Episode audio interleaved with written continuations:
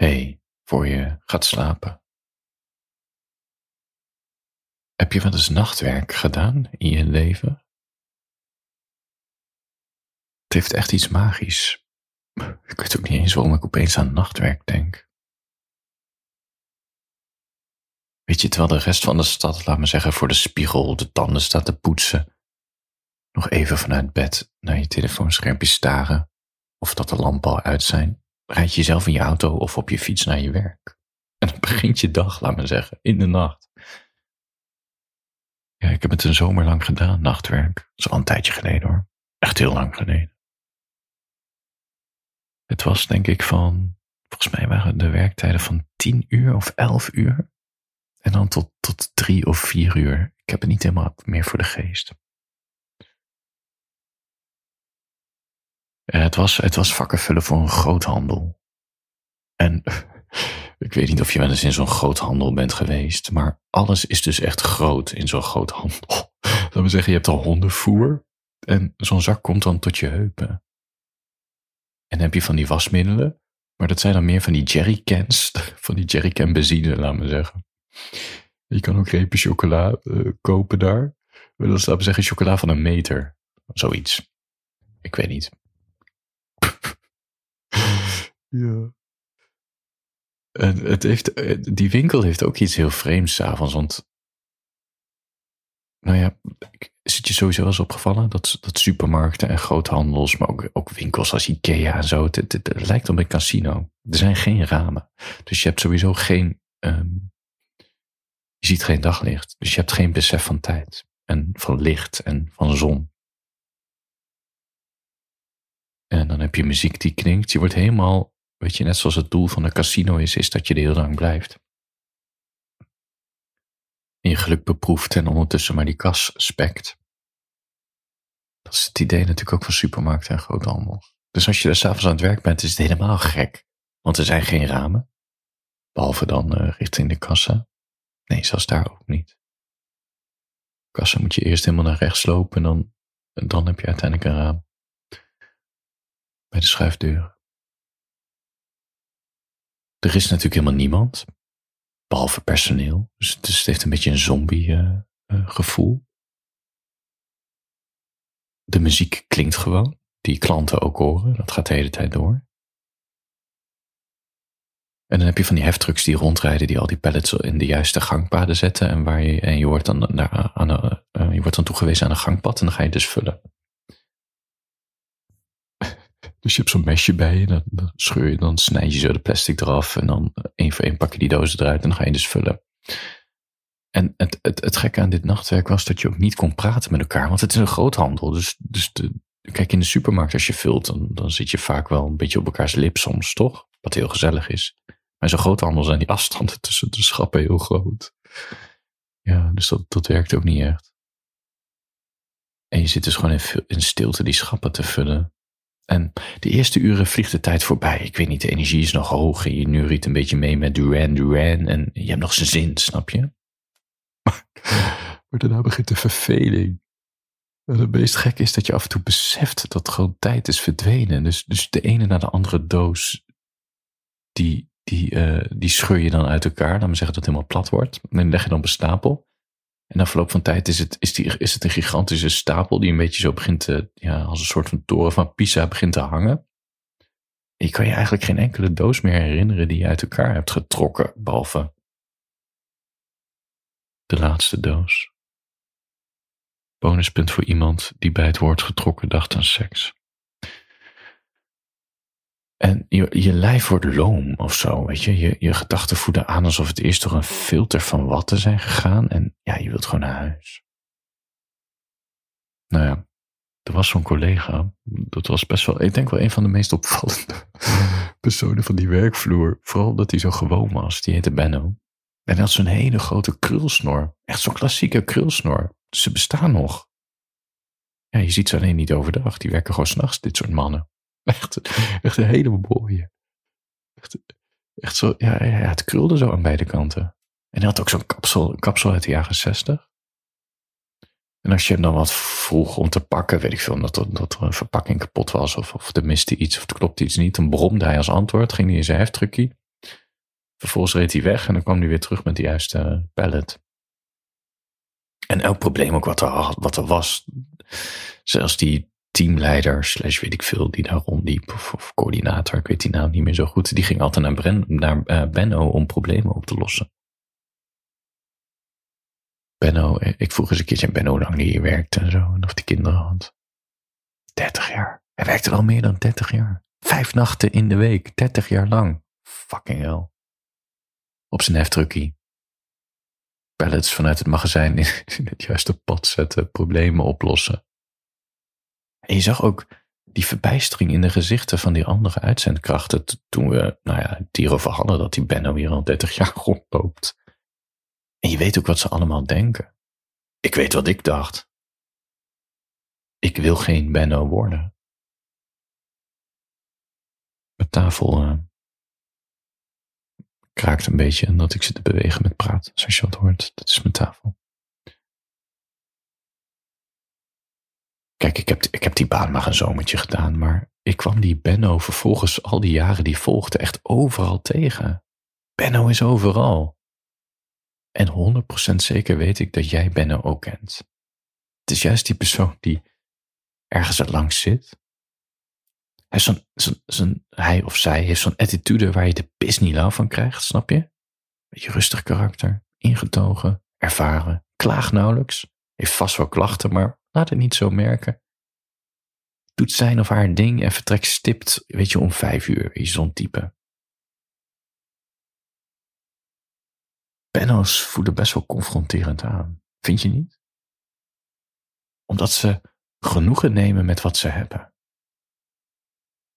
Kijk, wij kijken naar alles wat er mis is met dit werk. En dat bespreek je dan met je collega's die je een beetje vertrouwt. Toch een beetje klagen over die managers en procedures en uh, dat soort dingen. Huisvesting, cultuur, andere collega's. En we, we stellen onszelf gerust met de gedachte dat we hier maar tijdelijk in zitten. Weet je, voor de ervaring. En we solliciteren na een paar jaar wel weer verder als we het echt zat zijn. Maar uiteindelijk worden we allemaal ergens een Benno. Ja, daar ben ik wel van overtuigd. Of het nu op werk is, in een woning of bij een vereniging. We worden ergens een Benno. En de plek is dan misschien niet perfect waar we besluiten te settelen, maar het voelt fijn genoeg, snap je? Je haalt plezier en geluk uit de dingen die anderen misschien als vanzelfsprekend zien, maar jij weet inmiddels uit ervaring dat het niet waar is. En ik weet wat dat is met nachtwerk. Ik weet waar Benno zijn geluk vandaan haalt. Niet uit het repeterende werk. Niet uit de best wel weinige sociale contacten die je eigenlijk op die werkvloer hebt in de nacht. Nee, de magie is juist het moment dat je die deur open doet en de parkeerplaats oploopt. Laat me zeggen, die, die buitenlucht, dat, dat magisch voelt in de nacht. Die, die stilte op de parkeerplaats, de, de stoplichten bij grote kruispunten die oranje knipperen. Al die huizen waar geen lamp, geen lamp brandt. En jij bent wakker en levend en alleen. En je lijf is dan wel moe, maar je geest is tevreden. Het geld is verdiend.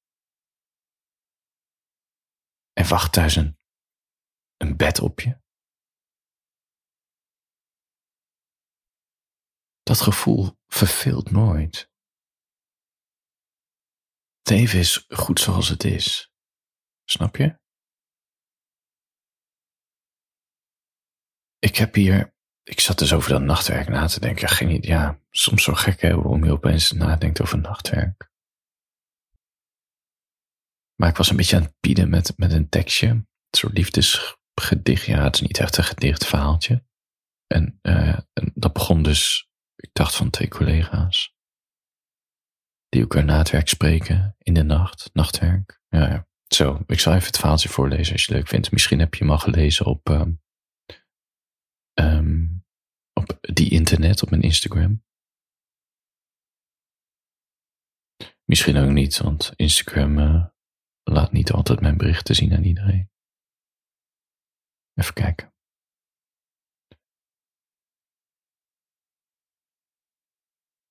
Peuk na het werk met jou buiten. Je praat en praat en praat. Ik knik, bied je een nieuwe aan. Kijk naar je vetja's en je nacht. We zoenen, we voelen. Onder de straatlantaarn op een verlaten parkeerplaats. Je praat over je broer, over Marokko, over reizen door Europa. Je stapt in je auto en ik in de mijne. We zwaaien nog naar elkaar bij het stoplicht. In de stad komen we elkaar tegen. Zaterdag, één uur, bij het plein. Je bent met vriendinnen, maar doet net alsof je me niet ziet. Ik loop naar je toe en bied je een peuk aan. Ik praat over werk, over Zweedse cinema, over deze heldere nacht. Ik wil je zoenen, maar je beweegt je van me af. Wat doe je, zeg je? En je loopt weg. En je vriendinnen beginnen te lachen en te wijzen. Nachten wakker. Denken aan dat wat was. Aan alles wat je zei. Aan alles wat ik zei. Denkend aan je lippen en BH-randje. Een gat in mijn hart. Van iemand die ik niet eens echt heb gekend. Verliefd op het idee van jij en ik.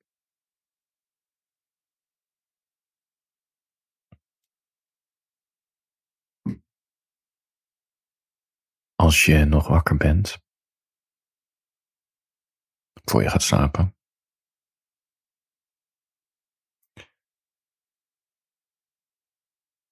ik kon, ik kon zelf niet slapen. Het was weekend. Of in ieder geval, ik het zo zeggen. Ik had niet zoveel zin om naar bed te gaan. En ik wilde iets. Ik, had niet zo zin om mezelf te committen aan een film of zo. Ik dacht, weet je wat, ik zet gewoon een docu op. En dan zien we wel uh, hoe, hoe snel mijn ogen moe worden op de bank. En ik vond een docu over de voetbaltrainer. En nu niet afhaken omdat ik zei voetbal, maar er zit best wel veel wijsheid in, in trainers. En ik moet zeggen, weet je, de gemiddelde voetballer komt niet als het meest, de meest filosofische personen over. Helemaal als je ziet hoe ze nadenken over politiek en de samenleving. Wat best wel jammer is, dat, uh, nou ja, dat zoveel mensen naar ze kijken.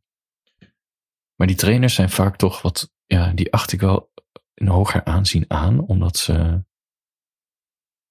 ja, omdat het best wel veel vergt van je qua capaciteit als je met 22 of, of, of 25 mensen in het gereel moet houden die allemaal miljonair zijn door een talent. En je weet als trainer, als je ze niet aan het voetballen krijgt, dan is het voorbij met je. Deze documentaire gaat over Alex Ferguson. Dit, dit, hij uh, is geen, geen voetbaltrainer meer, maar hij heeft echt bijna 30 jaar, bijna 30 jaar lang was hij de trainer van Manchester United. En dat, is denk ik wel één, naast Real Madrid en Juventus, wel een van de beroemdste voetbalclubs die er is. En er zaten zoveel, ja, zoveel wijsheden in die docu. Over het leven en over tegenslag. Ik heb daarna even zijn biografie zitten lezen. Ik moet wel zeggen, een beetje, niet, niet echt zin voor zin, wel een beetje doorheen gevlogen, maar mooie anekdotes. Ik zal zo vertellen wat, die, die, die, die, wat me. De zinnen die hij zei, die ik denk dat jou ook helpen. Gewoon hoe je naar het leven, naar tegenslag kan kijken. In die documentaire krijg je wel een beetje beeld van zijn persoonlijkheid. Hij heeft dus een enorm kort lontje, wat best wel grappig is. Hij is enorm van de discipline. En hij is echt van de hiërarchie, dus hij heeft altijd het laatste woord. Dus het maakt eigenlijk niet uit of hij goed of, of, fout heeft. Hij, heeft hij, hij, hij, staat boven de, de voetballer. En dat is ook zijn filosofie, want er mag gewoon geen discussie bestaan. Hij wil gewoon heel duidelijk hebben wat uh, de regels zijn en dat je hem moet volgen. En dat snap ik, hè, want je hebt het hier over 25 miljonairs. Ja, het is geen democratie, laat me zeggen. De belangen zijn groot. Maar wat hij ook heeft, is dat hij ook heel goed, en dat is denk ik wat, wat zo kenmerkend is, zijn goede managers. Niet alleen in het voetbal. Dat je, laat maar zeggen, de mens achter de voetballer ziet. Dus dat je weet wat iemands achtergrond is en zijn persoonlijkheid en het drijfveren en, en, waar die wakker van ligt. En dat is wat hij ook deed. En hij weet als geen ander dat je met talentvolle voetballers niets wint. Nou ja, kijk maar naar, ik weet niet, ken voetbalclub Paris Saint-Germain? Er zitten een paar van die oliesheiks achter. Die hebben er enorm veel geld in gepompt. Die hebben alle beste voetballers ter wereld. Zitten nu in dat team met je Messi en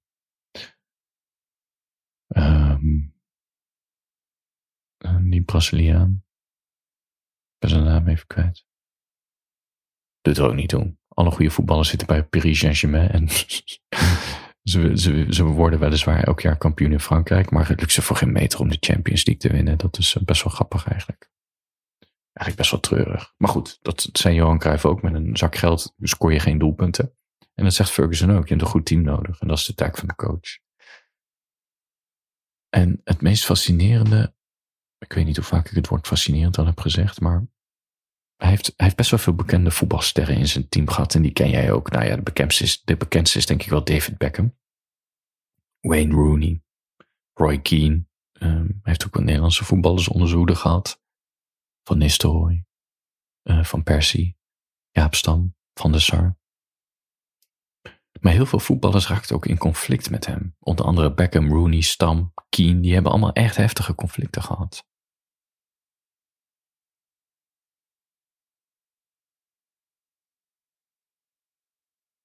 En het komt omdat het natuurlijk ook allemaal persoonlijkheden waren. Maar het kwam ook omdat die spelers dachten dat ze geen moment beter waren dan het team en erboven stonden. En dat is iets wat hij niet pikt. Nou ja. Laten we het hebben over zijn wijsheden. Voor je gaat slapen.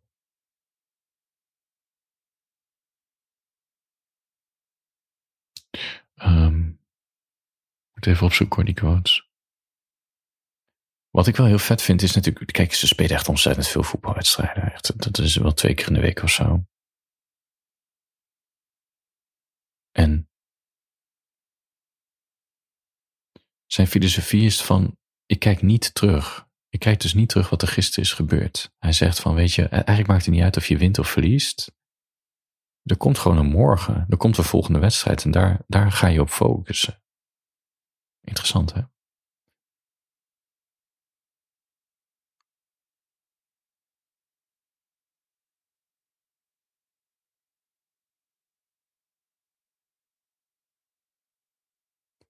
Hij komt in conflict met David Beckham. En dat komt, hij zegt ook in, in, in zijn autobiografie van David Beckham is eigenlijk de enige voetballer die ik in mijn leven ben tegengekomen die echt bewust heeft gekozen voor een celebrity bestaan. Dus tijdens het voetbalschap was hij al bezig met zijn haartjes en, en goed eruit zien en dat soort dingen. Hij was gewoon bezig met beroemd worden. Dat was wat, wat David Beckham wilde. En Alex Ferguson vindt dat echt een enorme doodzonde. Want hij zegt, ja, als je een talent hebt gekregen, dan is het bijna, je bent het bijna verplicht om die potentie eruit te halen. En als je ook nog half beroemd wil zijn, dan ben je er gewoon niet bij. Daarom zegt hij ook dat David Beckham eigenlijk nooit, hij is nooit die superster geworden die hij had kunnen zijn. Hij was gewoon veel te druk met het sterrendom. En dat vindt hij echt een doodzonde. Nou ja, ze kregen ruzie in de kleedkamer tijdens de pauze. toen was Ferguson zo boos dat hij tegen de schoen aanschopte en die vloog zo recht onder het oog van Beckham. Dus die, was, die had ook echt een wond. de volgende dag is Ferguson naar het bestuur gegaan na deze ruzie en zei: uh, hij, hij moet weg. Omdat hij dus dacht dat hij groter was dan de trainer. En, en Ferguson zegt heel droog van, there is no doubt about that in my mind. Dus hij twijfelt geen enkele moment dat iemand groter is dan Alex Ferguson. ja. Nou ja, leerpunt, negeer talent niet.